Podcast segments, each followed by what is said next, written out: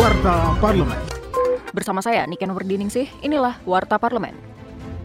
Anggota Komisi 9 DPR RI, Neti Prasetyani, mendesak pemerintah mengantisipasi lonjakan kasus COVID-19 jelang libur Natal dan Tahun Baru. Mengingat sejak November 2023 di Jakarta sudah terjadi peningkatan kasus. Politisi fraksi PKS ini meminta pemerintah untuk mempertimbangkan kembali penggunaan masker di ruang publik dan mengatur kerumunan massa. Ia juga mengimbau masyarakat agar menjaga kesehatan diri dan kebersihan lingkungan di tengah perubahan cuaca saat ini.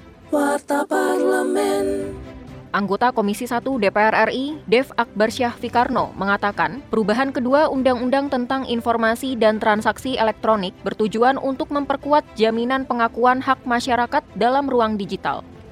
Perubahan kedua Undang-Undang ITE ini juga diperlukan untuk memperkuat jaminan pengakuan serta penghormatan atas hak dan kebebasan orang lain sekaligus untuk memenuhi tuntutan yang adil sesuai dengan pertimbangan keamanan dan ketertiban umum dalam masyarakat demokratis agar terwujudnya keadilan, ketertiban umum, dan kepastian hukum. Informasi selengkapnya kunjungi laman dpr.go.id.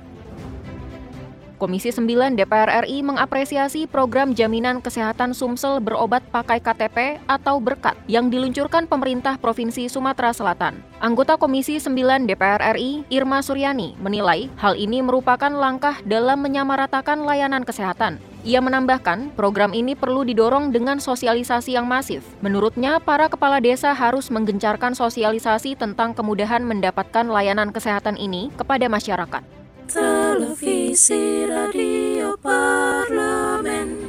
Demikian Warta Parlemen, Produksi Televisi dan Radio Parlemen, Biro Pemberitaan Parlemen, Setjen DPR RI.